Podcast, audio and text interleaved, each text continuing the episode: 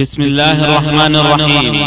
يسر شبكة الألوكة بالتعاون مع المكتبة المركزية للكتب الناطقة. أن تقدم لكم هذه المادة.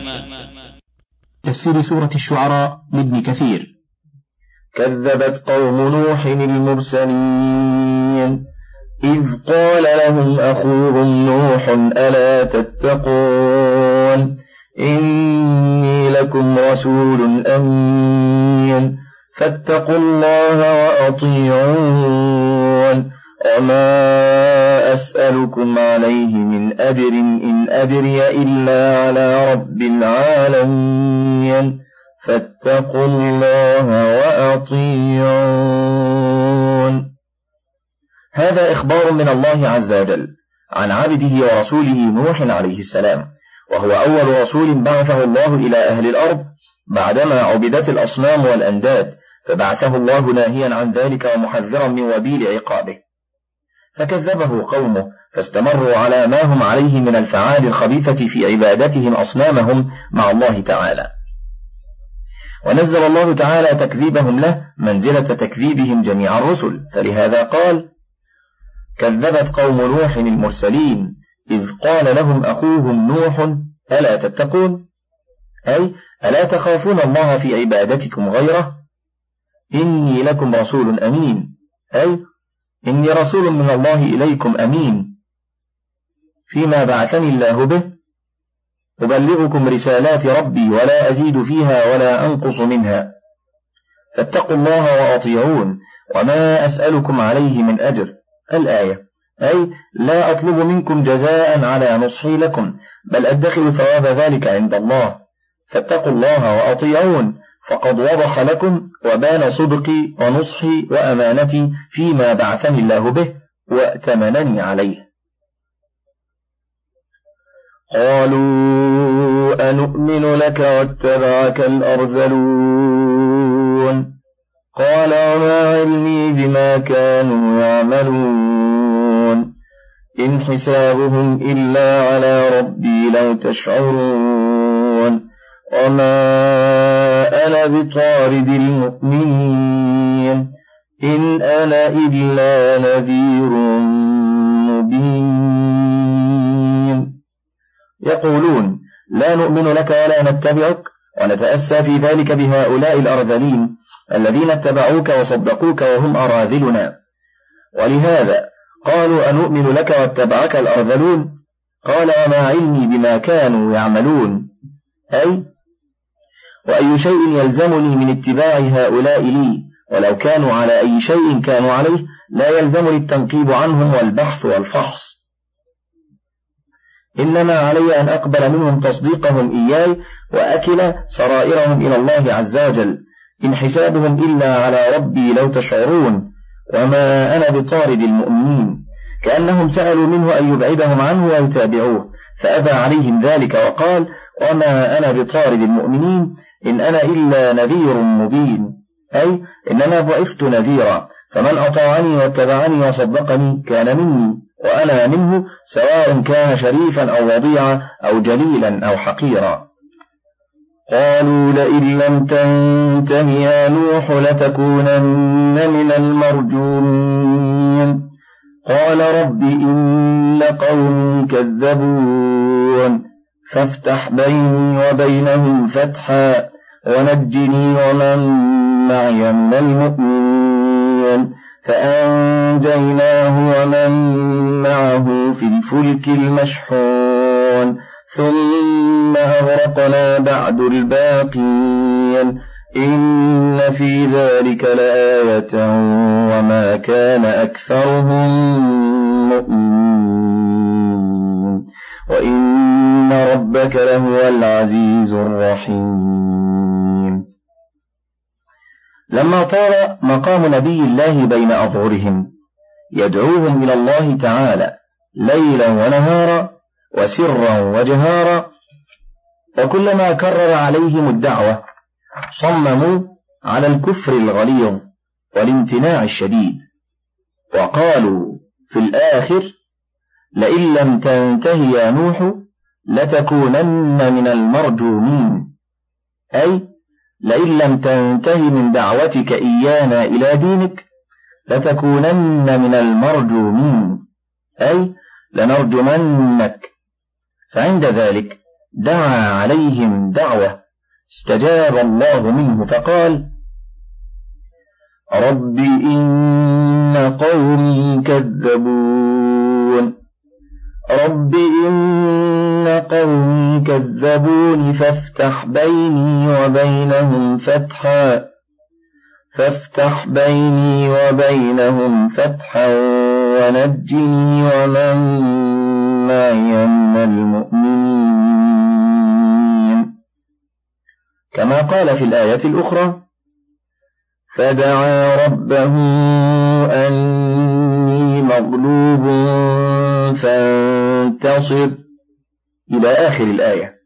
وقال ها هنا فأنجيناه ومن معه في الفلك المشحون. ثم أغرقنا بعد الباقين. والمشحون هو المملوء بالأمتعة والأزواج التي حمل فيها من كل زوجين اثنين أي أنجينا نوحا ومن اتبعه كلهم وأغرقنا من كفر به وخالف أمره كلهم أجمعين. إن في ذلك لآية وما كان أكثرهم مؤمنين وإن ربك لهو العزيز الرحيم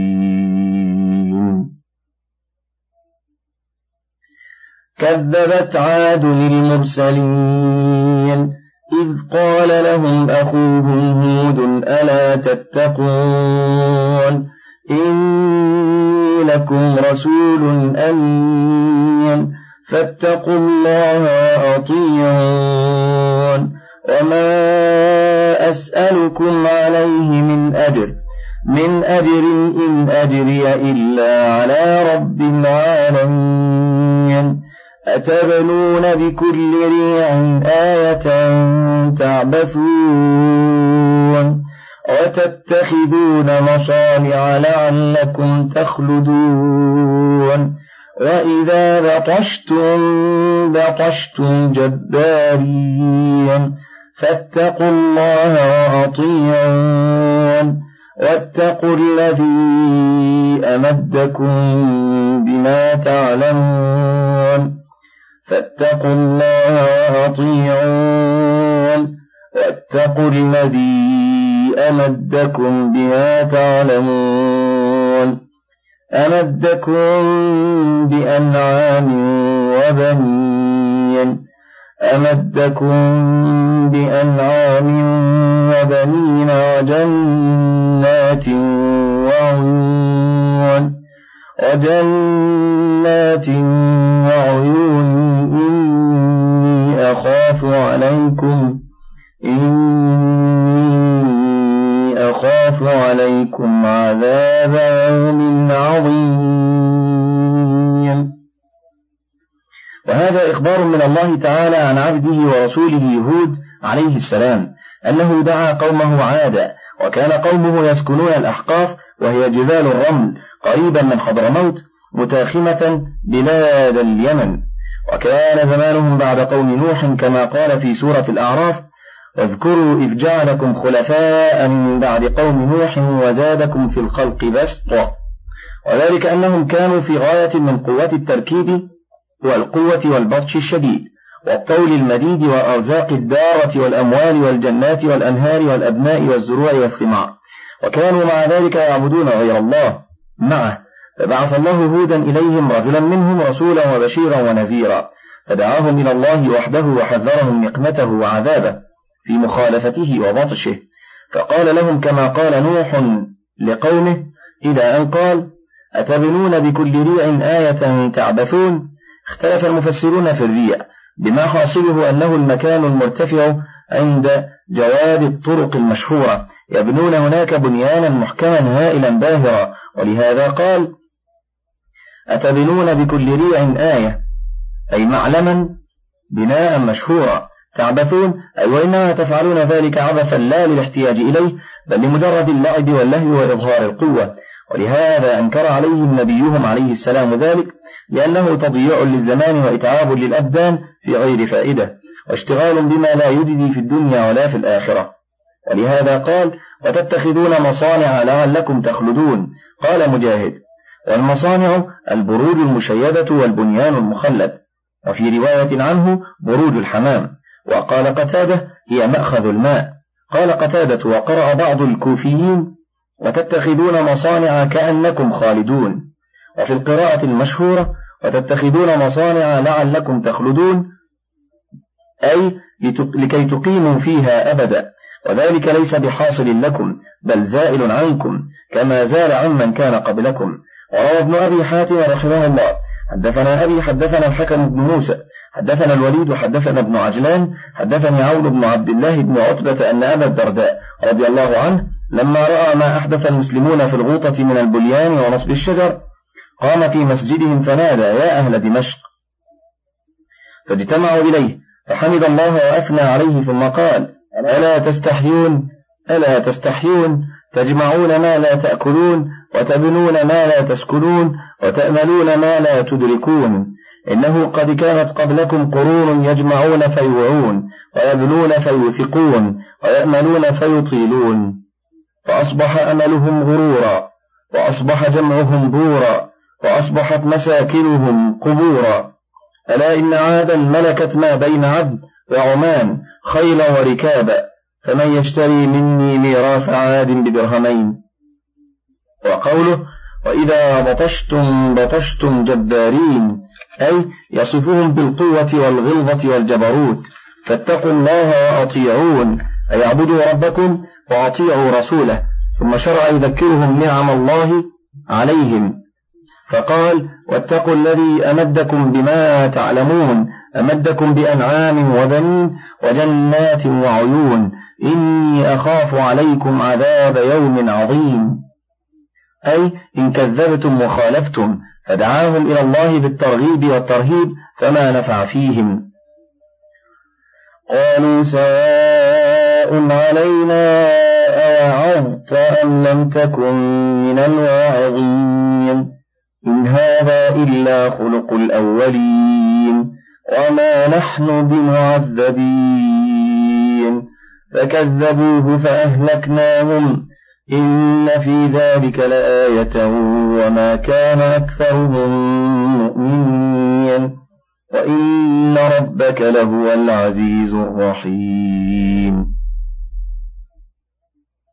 يقول تعالى مخبرا عن جواب قوم هود له بعدما حذرهم وأنذرهم ورغبهم ورهبهم وبين لهم الحق ووضحه قالوا سواء علينا أوعظت أم لم تكن من الواعظين؟ أي لا نرجع عما نحن عليه. وما نحن بتاركي آلهتنا عن قولك وما نحن لك بمؤمنين.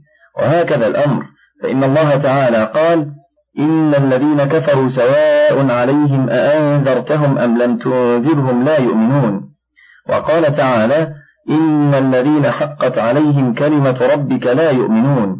الآية وقولهم إن هذا إلا خلق الأولين. قرأ بعضهم إن هذا إلا خلق الأولين. إن هذا إلا خلق الأولين. بفتح الخاء وتسكين اللام. قال ابن مسعود والعوفي عن عبد الله بن عباس وعلقمة ومجاهد يعنون ما هذا الذي جئتنا به إلا أخلاق الأولين. كما قال المشركون من قريش وقالوا أساطير الأولين اكتتبها. فهي تملى عليه بكرة وأصيلا. وقال وقال الذين كفروا إن هذا إلا إفك افتراه وأعانه عليه قوم آخرون فقد جاءوا ظلما وزورا. وقالوا أساطير الأولين. وقال وقيل للذين كفروا ماذا أنزل ربكم؟ قالوا أساطير الأولين. وقرأ آخرون إن هذا إلا خلق الأولين بضم الخاء واللام يعنون دينهم وما هم عليه من الأمر هو دين الأولين من الآباء والأجداد. ونحن تابعون لهم سالكون وراءهم نعيش كما عاشوا ونموت كما ماتوا ولا بعث ولا معاد. ولهذا قالوا وما نحن بمعذبين. قال علي بن أبي طلحة عن ابن عباس إن هذا إلا خلق الأولين يقول دين الأولين. وقاله عكرمة وعطاء الخراساني وقتادة وعبد الرحمن بن زيد بن أسلم واختاره ابن جرير وقوله تعالى فكذبوه فأهلكناهم أي استمروا على تكذيب نبي الله هود ومخالفته وعناده فأهلكهم الله وقد بين سبب إهلاكه إياهم في غير موضع من القرآن بأنه أرسل عليهم ريحا صرصرا عاتية أي ريحا شديدة الهبوب ذات برد شديد جدا. فكان سبب إهلاكهم من جنسهم فإنهم كانوا أعتى شيء وأجبره فسلط الله عليهم ما هو أعتى منهم وأشد قوة كما قال تعالى ألم تر كيف فعل ربك بعاد إرم ذات العماد؟ وهم عاد الأولى كما قال تعالى وأنه أهلك عادا الأولى وهم من نسل إرم بن سام بن نوح ذات العماد. الذين كانوا يسكنون العمد ومن زعم أن إرم مدينة فإنما أخذ ذلك من الإسرائيليات من كلام كعب ووهب وليس لذلك أصل أصيل. ولهذا قال التي لم يخلق مثلها في البلاد أي لم يخلق مثل هذه القبيلة في قوتهم وشدتهم وجبروتهم. ولو كان المراد بذلك مدينة لقال التي لم يبن مثلها في البلاد. وقال تعالى فأما عاد فاستكبروا في الأرض بغير الحق وقالوا من أشد منا قوة؟ أولم يروا أن الله الذي خلقهم هو أشد منهم قوة وكانوا بآياتنا يجحدون؟ وقد قدمنا أن الله تعالى لم يرسل عليهم من الريح إلا مقدار أنف الثور عتت على الخزنة فأذن, فأذن الله لها في ذلك فسلكت فحصبت بلادهم فحصبت كل شيء لهم. كما قال تعالى تدمر كل شيء بأمر ربها. الآية. وقال تعالى وأما عاد فأهلكوا بريح صرصر عاتية. إلى قوله حسوما أي كاملة. فترى القوم فيها صرعى كأنهم أعجاز نخل خاوية. أي بقوا أبدانا بلا رؤوس. وذلك أن الريح كانت تأتي الرجل منهم فتقتلعه وترفعه في الهواء ثم تنكسه على أم رأسه. فتشدخ دماغه وتكسر رأسه وتلقيه كأنهم أعجاز نخل منقائر وقد كانوا تحصنوا في الجبال والكهوف والمغارات وحفروا لهم في الأرض إلى أنصافهم فلم يغني عنهم ذلك من أمر الله شيئا. إن أجل الله إذا جاء لا يؤخر. ولهذا قال تعالى فكذبوه فأهلكناهم الآية. كذبت ثمود بمرسلين إذ قال لهم أخوهم صالح ألا تتقون؟ إني لكم رسول أمين. فاتقوا الله وأطيعون. وما أسألكم عليه من أجر. إن أجري إلا على رب العالمين. وهذا إخبار من الله عز وجل عن عبده ورسوله صالح عليه السلام أنه بعثه إلى قومه ثمود وكانوا عربا يسكنون مدينة الحجر التي بين وادي القرى وبلاد الشام ومساكنهم معروفة مشهورة. وقد قدمنا في سورة الأعراف الأحاديث المروية في مرور رسول الله صلى الله عليه وسلم بهم حين أراد غزو الشام فوصل إلى تبوك ثم عاد إلى المدينة ليتأهب لذلك وكانوا بعد عاد وقبل الخليل عليه السلام. فدعاه نبيهم صالح إلى الله عز وجل أن يعبدوه وحده لا شريك له وأن يطيعوه فيما بلغهم من الرسالة فأبوا عليه وكذبوه وخالفوه. وأخبرهم أنه لا يبتغي بدعوتهم أجرا منهم وإنما يطلب ثواب ذلك من الله عز وجل. ثم ذكرهم آلاء الله عليهم فقال أتتركون فيما هاهنا آمين في جنات وعيون وزروع ونخل طلعها هضيم وتنحتون من الجبال بيوتا فارين فاتقوا الله وأطيعون ولا تطيعوا أمر المسرفين الذين يفسدون في الأرض ولا يصلحون. يقول لهم واعظا لهم ومحذرهم. نقم الله أن تحل بهم ومذكرا بأنعم الله عليهم فيما رزقهم من الأرزاق الدارة وجعلهم في أمن من المحظورات وأنبت لهم من الجنات وفجر لهم من العيون الجاريات وأخرج لهم من الزروع والثمرات ولهذا قال ونخل ونخل طلعها هضيم. قال الأوفي عن ابن عباس أين؟ وبلغ فهو هضيم. وقال علي بن أبي طلحة عن ابن عباس ونخل طلعها هضيم. يقول معشبة. وقال إسماعيل بن أبي خالد عن عمرو بن أبي عمرو وقد أدرك الصحابة. عن ابن عباس في قوله ونخل طلعها هضيم. قال إذا رطب واسترخى رواه ابن أبي حاتم. ثم قال روي عن أبي صالح نحو هذا وقال أبو إسحاق عن أبي علاء ونخل طلعها هضيم قال والمذنب من الرطب وقال مجاهد والذي إذا يبس تهشم وتفتت وتنافر وقال ابن جريج سمعت عبد الكريم أنبأنا أمية سمعت مجاهدا يقول ونخل طلعها هضيم قال حين يطلع تقبض عليه فتهضمه فهو من الرطب الهضيم ومن اليابس الهشيم. تقبض عليه فتهشمه.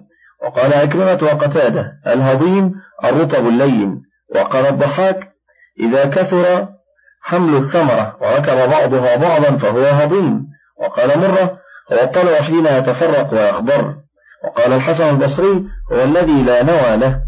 وقال أبو صخر ما رأيت الطلع حين ينشق عنه الكم فترى الطلع قد نسق بعضه ببعض فهو الهضيم. وقوله وتنحتون من الجبال بيوتا فارهين قال ابن عباس وغير واحد يعني حاذقين. وفي رواية عنه شرهين أشرين وهو اختيار مجاهد وجماعة. شرهين أشرين وهو اختيار مجاهد وجماعة ولا منافاة بينهما. فإنهم كانوا يتخذون تلك البيوت المنحوتة في الجبال عشرا وبترا وعبثا من غير حاجة إلى سكناها وكانوا حاذقين متقنين لنحتها ونقشها كما هو المشاهد من حالهم لمن رأى منازلهم. ولهذا قال فاتقوا الله وأطيعون.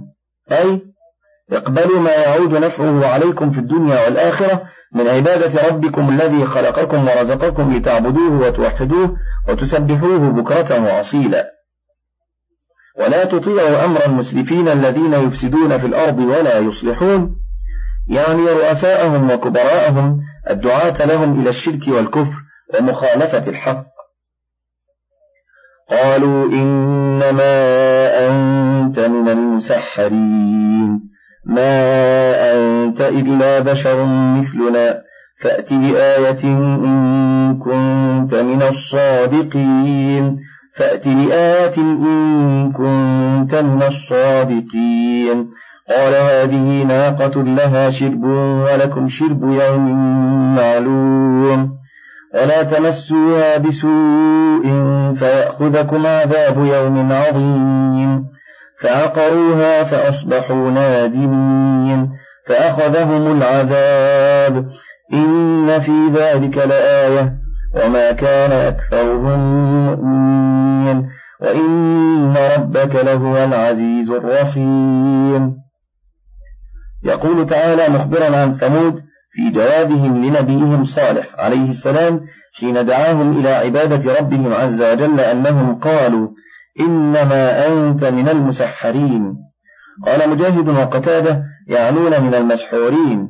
روى أبو صالح عن ابن عباس من المسحرين يعني من المخلوقين. واستشهد بعضهم على هذا بقول الشاعر فإن تسألينا فيما نحن فإننا عصافير من هذا الأنام المسحر. يعني الذين لهم سحر والسحر هو الرئة. والأظهر في هذا قول مجاهد وقتادة أنهم يقولون إنما أنت في قولك هذا مسحور لا عقل لك. ثم قالوا ما أنت إلا بشر مثلنا. يعني فكيف أوحي إليك دوننا؟ كما قالوا في الآية الأخرى أأنزل عليه الذكر من بيننا؟ بل هو كذاب أشر. سيعلمون غدا من الكذاب الأشر. ثم إنهم اقترحوا عليه آية يأتيهم بها. ليعلموا صدقه بما جاءهم به من ربهم. وقد اجتمع ملأ ملأ ملأهم وطلبوا منه أن يخرج لهم الآن من هذه الصخرة ناقة عشراء وأشاروا إلى صخرة عندهم. من صفتها كذا وكذا فعند ذلك أخذ عليهم نبي الله صالح العهود والمواثيق. لئن أجابهم إلى ما سألوا ليؤمنن به ولا يتبعنه فأعطوه ذلك. فقام نبي الله صالح عليه السلام فصلى ثم دعا الله عز وجل أن يجيبهم إلى سؤالهم. فانفطرت تلك الصخرة التي أشاروا إليها عن ناقة عشراء على الصفة التي وصفوها فآمن بعضهم وكفر أكثرهم. قال هذه ناقة لها شرب ولكم شرب يوم معلوم يعني ترد ماءكم يوما ويوما تردونه أنتم. ولا تمسوها بسوء فيأخذكم عذاب يوم عظيم. فحذرهم نقمة الله إن أصابوها بسوء. فمكثت الناقة بين أظهرهم حينا من الدهر ترد الماء وتأكل الورق والمرعى وينتفعون بلبنها يحلبون منها ما يكفيهم شربا وريا. فلما طال عليهم الأمد وحضر أشقاهم تمالأوا على قتلها وعقرها. فعقروها فأصبحوا نادمين فأخذهم العذاب. وهو أن أرضهم زلزلت زلزالا شديدا وجاءتهم صيحة عظيمة اقتلعت, اقتلعت القلوب من محالها.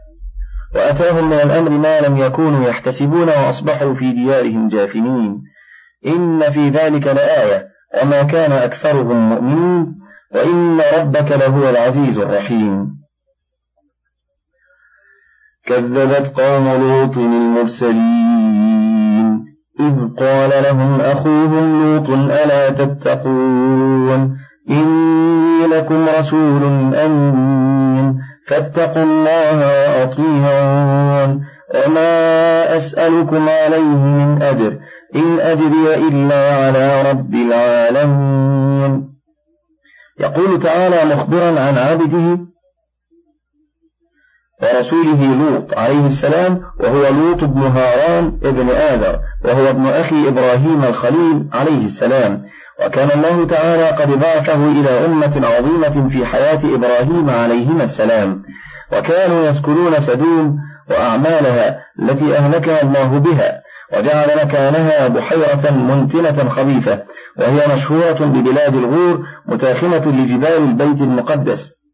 بينها وبين بلاد الكرك والشوبك فدعاهم إلى الله عز وجل أن يعبدوه وحده لا شريك له وأن يطيعوا رسولهم الذي بعثه الله إليهم ونهاهم عن معصية الله وارتكاب ما كانوا قد ابتدعوه في العالم. مما لم يسبقهم أحد من الخلائق إلى فعله من إتيان الذكور دون الإناث ولهذا قال تعالى أتأتون الذكران من العالمين؟ أتذرون ما خلق لكم ربكم من أزواجكم بل أنتم قوم عادون. قالوا لئن لم تنته يا لوط لتكونن من المخرجين. قال إني لعملكم من القالين. رب نجني وأهلي مما يعملون. فنجيناه وأهله أجمعين. إلا عجوزا في الغابرين ثم دمرنا الآخرين وأمطرنا عليهم مطرا فساء مطر المنذرين. إن في ذلك لآية وما كان أكثرهم مؤمنين. وإن ربك لهو العزيز الرحيم. لما نهاهم نبي الله عن ارتكاب الفواحش وغشيانهم الذكور وأرشدهم إلى إتيان نسائهم اللاتي خلقهن الله لهم ما كان جوابهم له إلا أن قالوا لئن لم تنتهي يا لوط أي عما جئتنا به لتكونن من المخرجين أي ننفيك من بين أظهرنا كما قال تعالى. فما كان جواب قو فما كان جواب قومه إلا أن قالوا أخرجوا آل لوط من قريتكم إنهم أناس يتطهرون. فلما رأى أنهم لا يرتدعون عما هم فيه وأنهم مستمرون على ضلالتهم تبرأ منهم وقال إني لعملكم من القالين أي المبغضين لا أحبه ولا أرضى به وإني بريء منكم. ثم دعا الله عليهم فقال رب نجني وأهلي مما يعملون. قال الله تعالى فنجيناه وأهله أجمعين أي كلهم إلا عجوزا في الغابرين وهي امرأته. وكانت عجوز سوء بقيت فهلكت مع من بقي من قومها. من فضلك تابع بقية المادة.